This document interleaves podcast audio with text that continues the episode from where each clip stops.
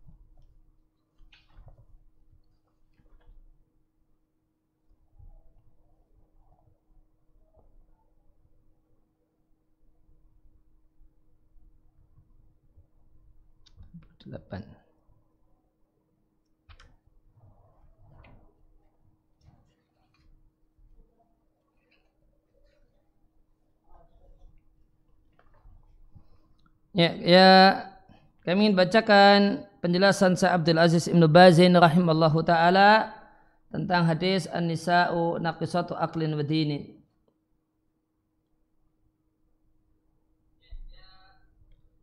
Maka di salah satu fatwanya Syekh Ibnu Baz rahimallahu taala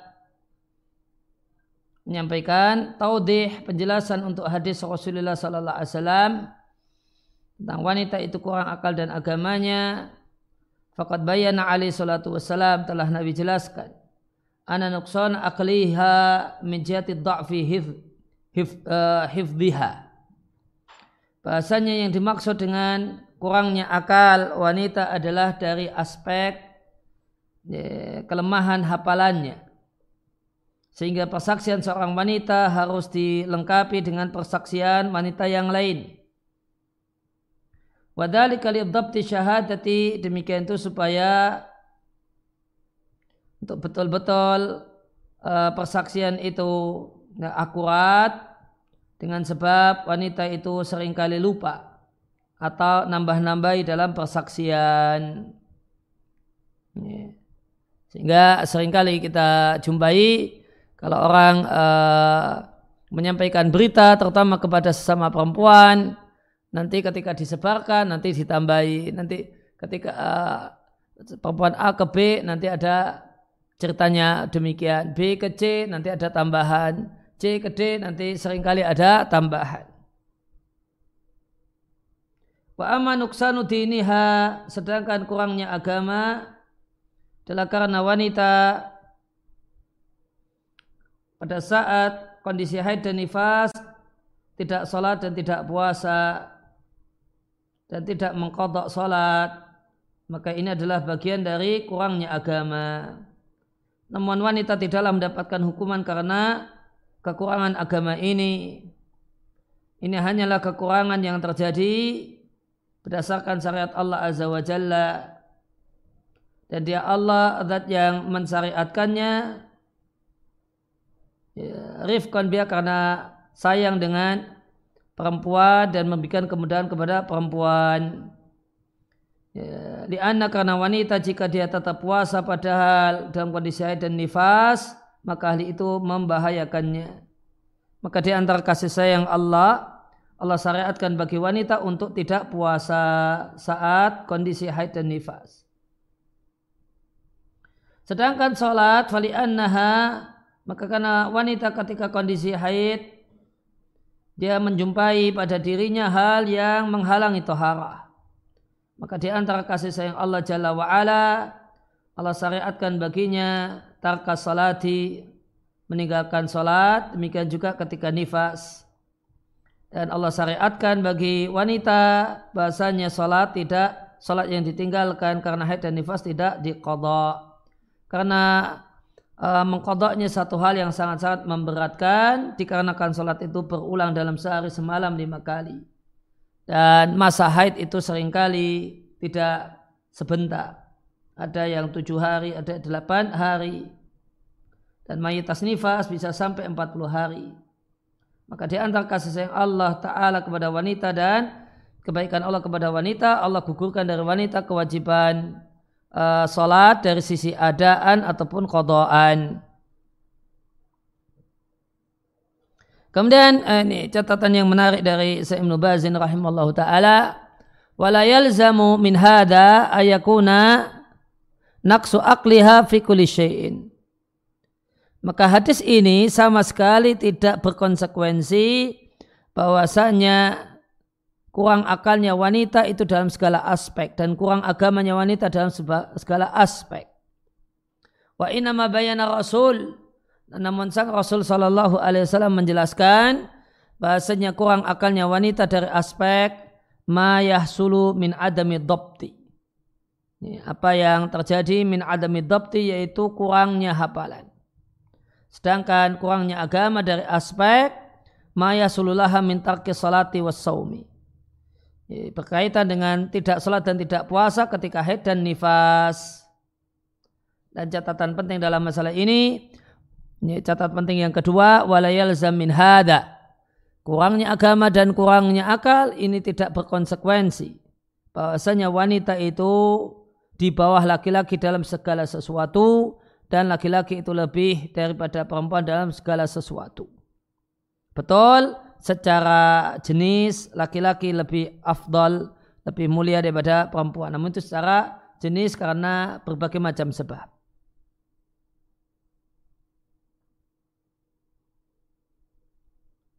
Sebagaimana sabda Nabi Shallallahu Alaihi Wasallam, "Arijalu kawamuna ala nisa" dan seterusnya. Lakin akan tetapi wanita itu boleh jadi unggul daripada laki-laki dalam di sebagian keadaan dalam banyak hal. Fakam min imra'atin fawqa kathirim narijali. Betapa banyak perempuan yang lebih unggul daripada banyak laki-laki fi akliha wa diniha wa dhabtiha. Dalam masalah akalnya, agamanya dan hafalannya.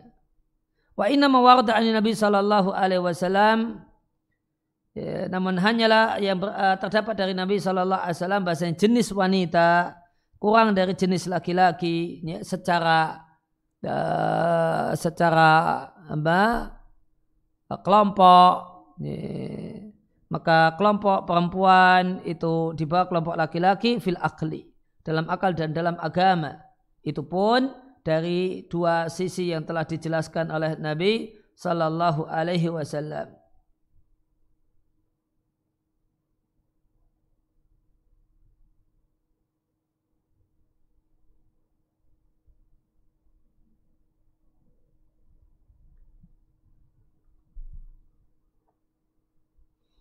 Nah itu kurang lebih uh, ada penjelasan dari Syekh Ibnu Baz rahimallahu taala. Beliau menyampaikan kekurangan akal dan agama itu min haisul jins. Dari sisi komunitas. Ya, dari sisi grup dan bukan dari sisi tiap-tiap person. Kemudian yang kedua uh, terutama untuk kekurangan akal itu yang uh, tidak menurut saya Ibnu Bazin tidak dalam semua aspek. Cuma dalam satu aspek saja yaitu aspek uh, aspek hafalan. Sehingga persaksiannya perlu didukung oleh uh, persaksian perempuan yang lain. Namun ini min haisul jins dari sisi jenis bukan setiap wanita pasti demikian. Kurang akalnya tidak demikian. Kita jumpai dalam sejarah dan realita banyak perempuan-perempuan yang jauh lebih berakal daripada jauh lebih bijak, jauh lebih eh, eh, menimbang jauh ke depan dan yang lainnya dibandingkan laki-laki.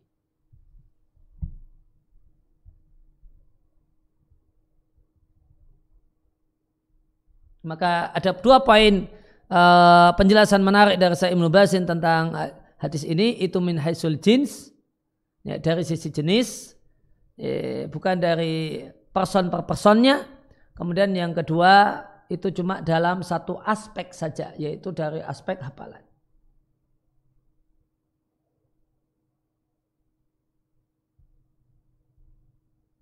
Ya, demikian penjelasan saya Ibnu Bazin rahimallahu taala. Namun kalau kita uh, bandingkan dengan penjelasan Qurtubi yang kemarin kita kemarin dibacakan dari kitab Al-Bahar Al-Muhit As-Sajjad bahasanya yang uh, bahasanya dimaksud dengan kekurangan akal akal di sini adalah at-tatsabutu fil umuri. Ini, merespon segala sesuatu itu tasabut. Ya, tidak tergesa-gesa, namun dicek dulu. Ya, ya, jangan kemudian langsung tertarik tanpa ditimbang masak-masak, langsung tertarik beli A, beli B, beli C, tanpa ditimbang matang-matang. Ya, yang nanti pada akhirnya ternyata tidak termanfaatkan atau hal-hal yang lainnya.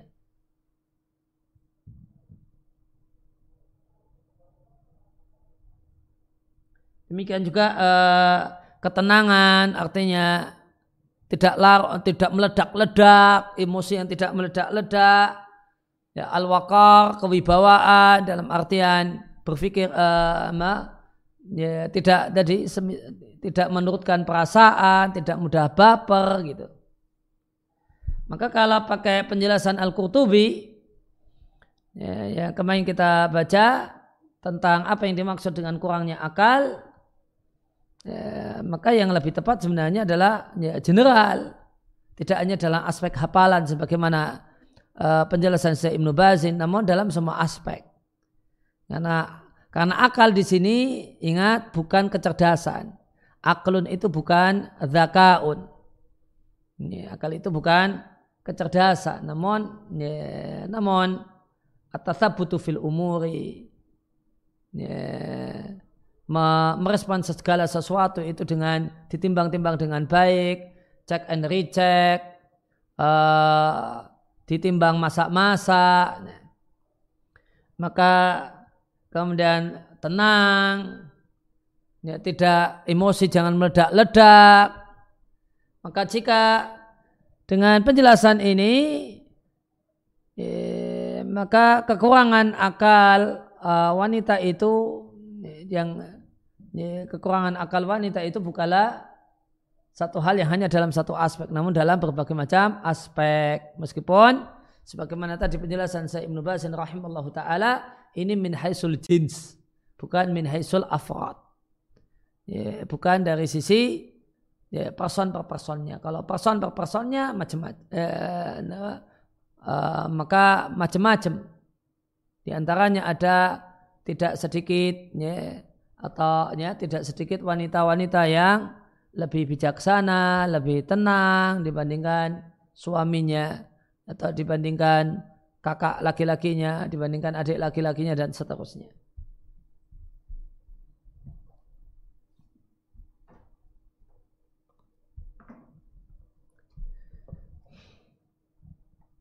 Ya, kemudian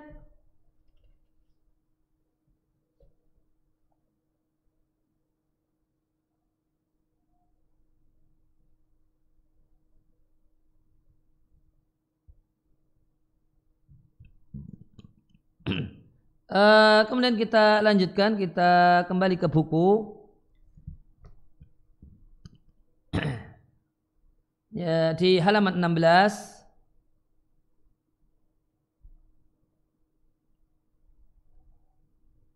Ya, terakhir kita baca hadis wastausu bin nisa'i khaira. Ini. Hendaklah kalian menerima wasiatku untuk bersikap baik kepada para wanita karena mereka tercipta dari tulang rusuk.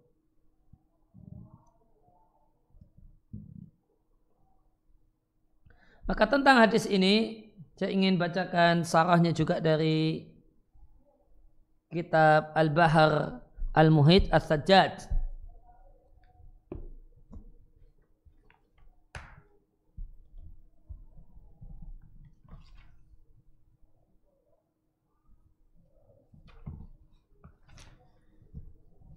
Ya disampaikan oleh penulis Syekh Muhammad Ali Adam rahimallahu taala.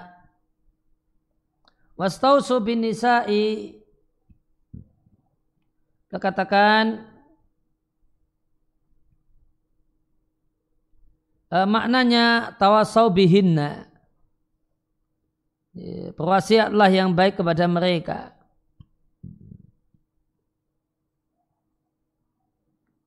ya, istif'al di sini maknanya if'al ya, sebagaimana istijabah maknanya ijabah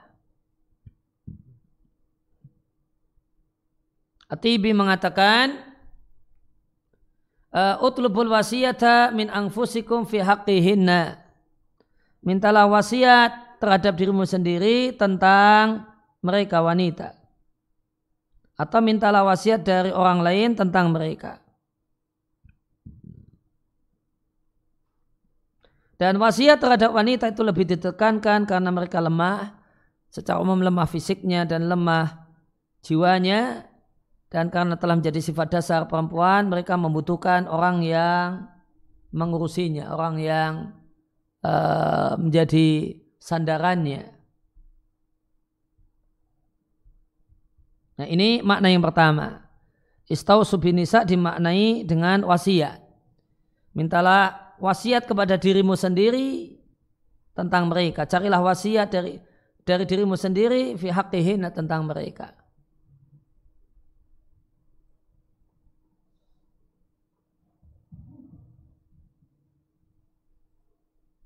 Kemudian uh, wakila penjelasan yang kedua tentang maknanya ikbalu wasiyati fihinna.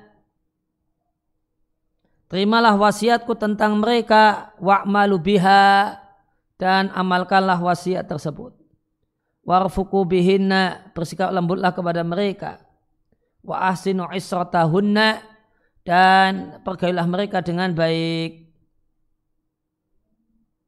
Kata Al-Hafidh Ibnu Hajar, wada aujuhul aujuh finadari ini adalah penjelasan yang paling tepat dalam pandanganku meskipun itu tidak menyelisih dan bertentangan dengan penjelasan at-tibi. Sehingga ada dua penjelasan eh, ada dua penjelasan. Pertama, eh, terimalah wasiatku tentang mereka. Wastausu bin nisa'i khaira. Kemudian khairanya maknanya uh, terimalah terimalah wasiatku tentang mereka, amalkanlah wasiatku ya, untuk bersikap baik, bersikap lembut kepada mereka. Kemudian makna ini makna yang paling tepat menurut Ibnu Hajar. Kemudian yang kedua adalah ya, maknanya adalah uh, mintalah wasiat pada diri sendiri atau pada orang lain tentang mereka. Kemudian Nabi katakan fa innahunna atau dalam redaksi atir, uh, Muslim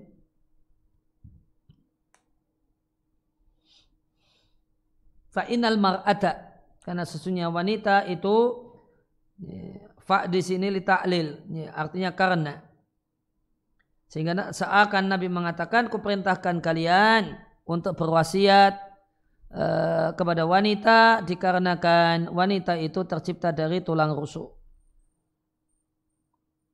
Min dila'in. Di Fathul Bari disampaikan seakan-akan dalam potongan di sini terdapat isyarat uh, riwayat yang diatkan oleh Ibnu Ishaq di Al-Mubtada dari Ibnu Abbas Ibnu Abbas radhiallahu anhu mengatakan anna hawaan khuliqat min dilai adamil aqsaril aisar. Ibunda kita Hawa itu tercipta dari tulang rusuk Adam yang paling pendek yang di sisi kiri. Kiri yang paling pendek. Wawana iman ketika ketika Adam itu dalam kondisi tidur. Demikian juga dikeluarkan oleh Ibnu Hazim atau Ibnu Hatim dan yang lain dari Mujahid. Wa an-Nawawi An-Nawawi menilai ini adalah riwayat yang gharib. Lantas An-Nawawi menisbatkannya sebagai penjelasan para ulama fikih atau sebagiannya. Faka'anal makna seakan-akan makna, maknanya bahasa wanita tercipta dari aslin. Khuliqa min syai'in tercipta dari sesuatu yang bahan bakunya itu bengkok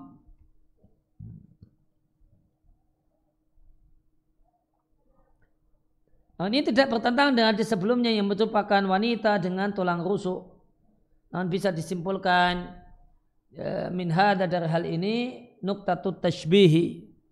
Satu poin keserupaan wa innaha auja misluhu yaitu wanita itu bengkok semisal tulang rusuk dikarenakan memang asal muasalnya tercipta dari tulang rusuk. Itu maknanya. Kesimpulannya demikian. Dan sesuatu yang paling bengkok di tulang rusuk adalah bagian atas.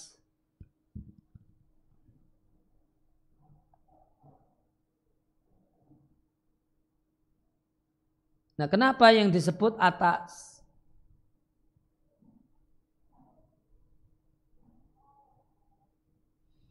Ya, ada uh, yang menjelaskan li'annal iqamata karena yang namanya meluruskan amruha adhar perkaranya itu lebih jelas fijatil ulya dari arah atas.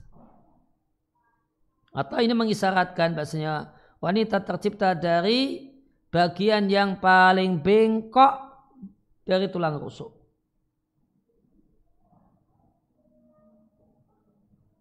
Jadi kenapa disebut bagian atas? Ini yang pertama karena kalau meluruskan itu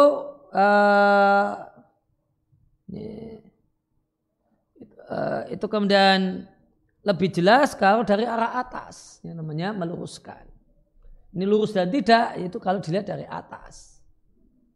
Ada yang eh, penjelasan yang kedua mengatakan ya karena untuk me, ini bentuk hiperbol untuk menegaskan bahasanya memang betul-betul ya, karakter dan kejiwaan perempuan itu ada unsur bengkoknya. Kemudian yang ketiga, wa yahtamilu ayakuna duribadalika masala. Kemungkinan yang ketiga uh, ini ini dibuat sebagai permisalan untuk bagian atas dari wanita. Karena bagian atas dari wanita itu adalah kepalanya. Dan di kepalanya itu terdapat lidah. Wawalladhi yahsulu minul adah. Nah sumber gangguan dari wanita itu lidahnya komentarnya, cerewetnya gitu. Yang yang bikin uh, wanita boleh jadi tidak menyakiti fisik dengan tangannya, kakinya jarang-jarang kecuali mungkin wanita pendekar ya. ya. Normalnya keluhan dari wanita boleh jadi keluhan itu dari laki-laki semisal uh, suaminya atau dari sesama perempuan adalah mengeluhkan uh, lisannya.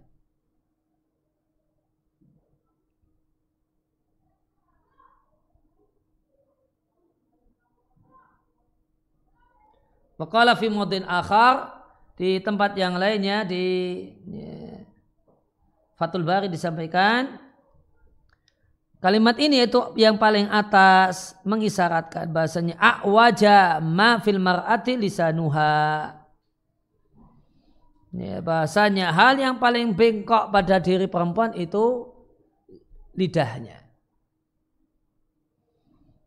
Itu yang paling sering kambuh ya Bengkok yang paling sering kambuh pada wanita itu bengkoknya lisannya. Apa itu? Cerewetnya. Dan diksi-diksinya yang pilihan katanya yang nyelekit, yang menyakitkan hati. Artinya ya, lidah wanita itu demikian tajamnya. Pandainya dia dalam menata kata, mengolah kata untuk uh, mbak menyakiti pihak-pihak lain dengan lidahnya.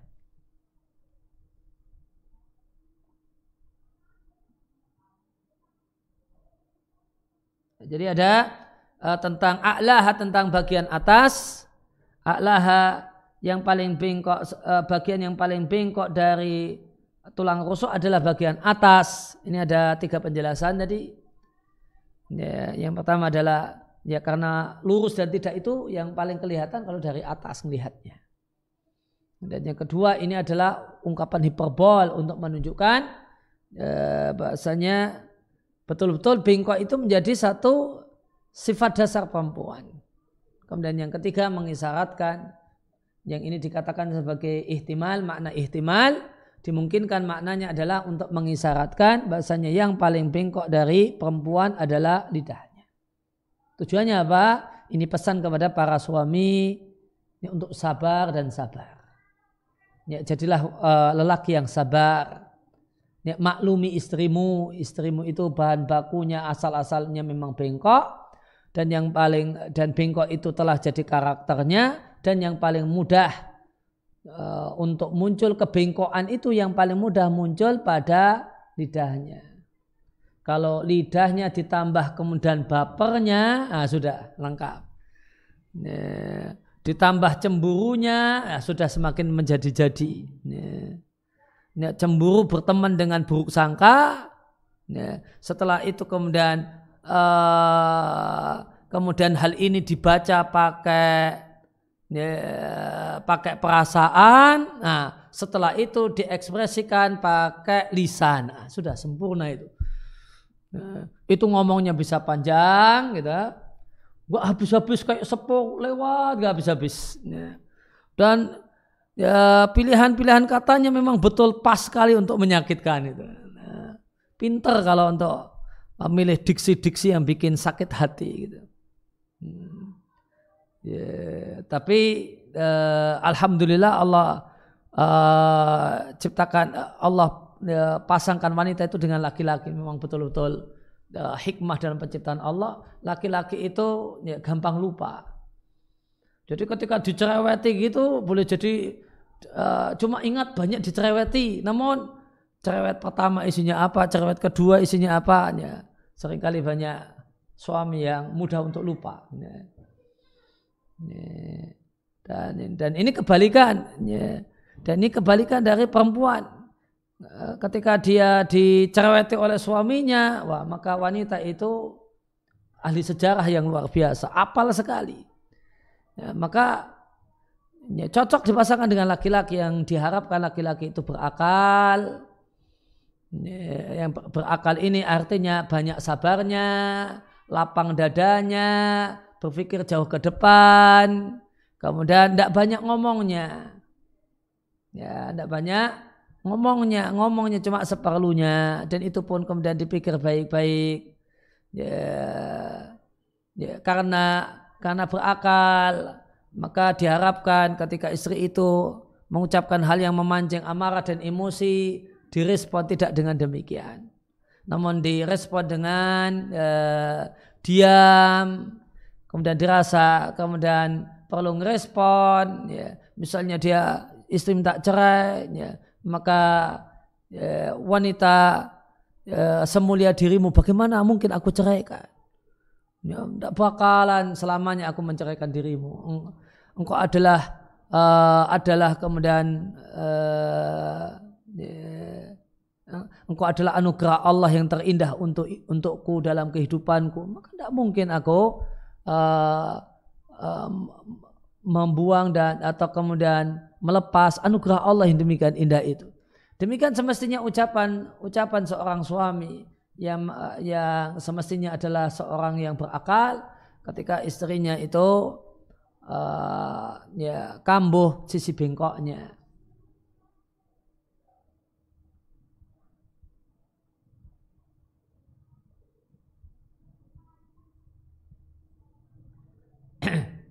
nah, Nah, apa apa manfaat dari mukadimah ini? Jadi Nabi dalam hal ini menyampaikan mukadimah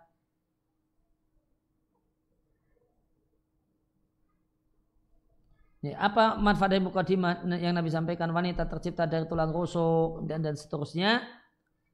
Uh, disampaikan oleh Ibnu Hajar wa faidatu hadil muqaddimah maka manfaat di balik kalimat ini yang statusnya adalah mukaddimah ini annal mar'ata khuliqat min dila'in a'waj. Wanita itu tercipta dari tulang rusuk yang paling bengkok. Sehingga ini pesan bagi para suami, pesan bagi para laki-laki yang berstatus sebagai suami, sebagai kakak laki-laki dan seterusnya, sebagai ayah, fala yungkir i'wa jajaha. Jangan aneh kalau uh, dengan kebengkokannya, jangan aneh sikapi kebengkokannya itu dengan diam, banyak diam, sabar, gitu. lapang dada, gitu. dan ingat kebaikan-kebaikan istri, dia yang telah memberikan keturunan, dia adalah orang yang uh, yeah, menjadi tempat kita untuk terjaga dari zina dan seterusnya. Yang kedua, uh, atau mukadimah ini kata Ibnu Hajar adalah isyarat. Ila anaha la takbal at-taqwima. Bahasanya secara umum wanita itu tidak bisa diluruskan. Sebagaimana tulang rusuk tidak bisa diluruskan. Ya, yang bisa dilakukan adalah uh, maksimal baik namun kalau betul-betul lurus itu tidak bisa sebagaimana tulang rusuk tidak bisa. Ya, maka ada dua penjelasan uh, semacam itu.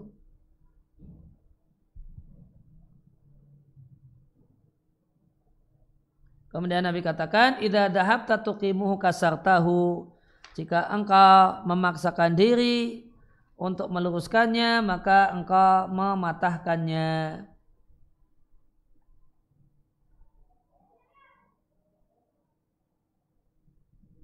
Maknanya jika Arab minha jika engkau ingin agar istri itu meninggalkan bengkok, udahlah lu yang benar, jangan baper, jangan ini, tinggalkan bengkok. Maka tuntutan untuk meninggalkan bengkok itu akan bersebab menyebabkan perpisahan dengan perceraian. Sebagaimana dijelaskan dalam berat yang sebelumnya dan dan rusaknya tulang rusuk adalah tolak, adalah perceraian. Namun jika engkau biarkan tidak diluruskan, maka ya terus menerus bengkok. Fastausu binisa'i khaira. Maknanya usikum bihina khaira. Aku wasiti kalian untuk berbuat baik kepada wanita dan terimalah wasiatku tentangnya dan amalkanlah wasiatku. Bin nisa'i khaira. Kata-kata bin nisa'i khaira di sini terdapat kode agar meluruskan wanita meluruskan wanita, meluruskan istri, meluruskan anak perempuan itu dengan kelembutan. Jangan overbol, uh, jangan uh, hiperbol karena hiperbol dan bersungguh-sungguh itu akan menyebabkan patahnya. Ya, namun juga jangan dibiarkan jika tetap terus dalam keadaan bengkok. Walhasil kesimpulannya, ya, jangan biarkan istri dalam keadaan bengkok,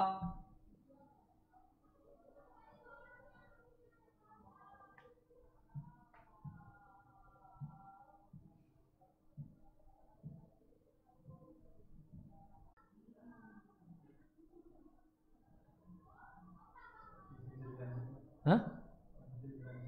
Bisa lanjut.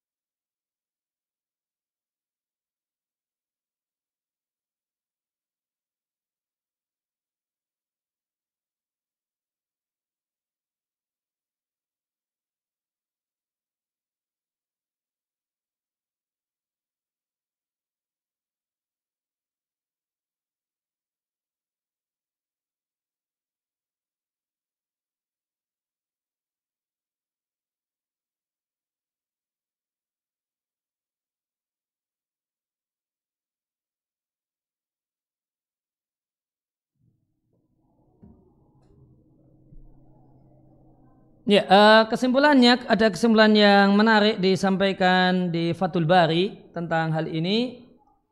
Walhasilu kesimpulannya uh, wanita, istri, anak perempuan, anak gadis tidaklah dibiarkan dengan bengkoknya. jika bengkoknya tersebut berdampak melakukan maksiat atau meninggalkan kewajiban. Wa inama al murad namun yang dimaksudkan adalah membiarkan kebengkokannya jika itu dalam hal-hal yang mubah. Ya, jadi menyikapi bengkoknya wanita, bengkoknya istri, maka apakah toleransi ataukah kemudian sikapnya tegas, maka dirinci.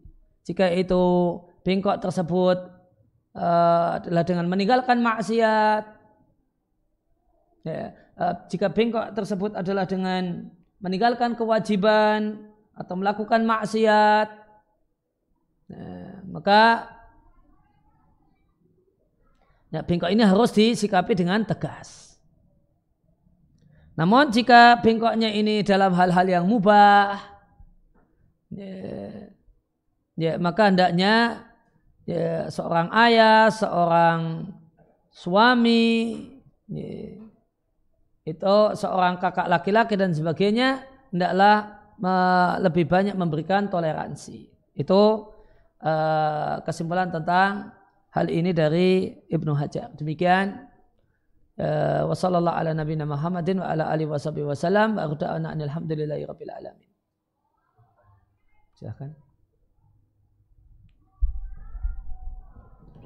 Baik Ustadz, kami akan membacakan pertanyaan yang telah masuk. Bismillah, Assalamualaikum Ustadz. Wa ilaikum. Eh, bagaimana batasan kita menceritakan kebaikan pasangan kita kepada kerabat kita Ustadz? Apakah hanya diperbolehkan ketika memang ditanyai untuk mendapat hikmah saja seperti kisah Qadi Shurey yang menceritakan kebaikan istrinya? Karena khawatir kerabat kita terfitnah atau e, untuk menjaga hatinya agar tidak merasa iri. Jazakallahu khairan Ustadz. Ya, jika dikhawatirkan cerita sisi-sisi positif itu menyebabkan iri dengki tentu uh, tidak perlu diceritakan. Yang jelas uh, suami itu pakaian untuk istrinya dan istri pakaian untuk suaminya. Dan pakaian itu memiliki sifat menutupi. Menutupi aib, menutupi kejelekan, menutupi keburukan. Ya, selama itu uh, dan perlu diingat terutama oleh suami ya aibnya istri adalah aibnya dirinya karena berarti dia tidak pandai mendidik istrinya tidak pandai memimpin istrinya, ya tidak bisa jadi imam yang baik untuk istrinya. Nah. Baik Ustaz, pertanyaan terakhir. Assalamualaikum Ustaz. Waalaikumsalam warahmatullahi Uh, Barakallahu fiqh Ustaz. Wallahi barik fikum. Ustaz saya seorang istri kedua. Usia pernikahan kami sudah hampir 20 tahun. Dikarunai satu anak. Alhamdulillah sekarang sedang kuliah. Uh, Pertanyaannya bagaimana menyikapi suami yang tidak mau mendengarkan keluh kesah istri?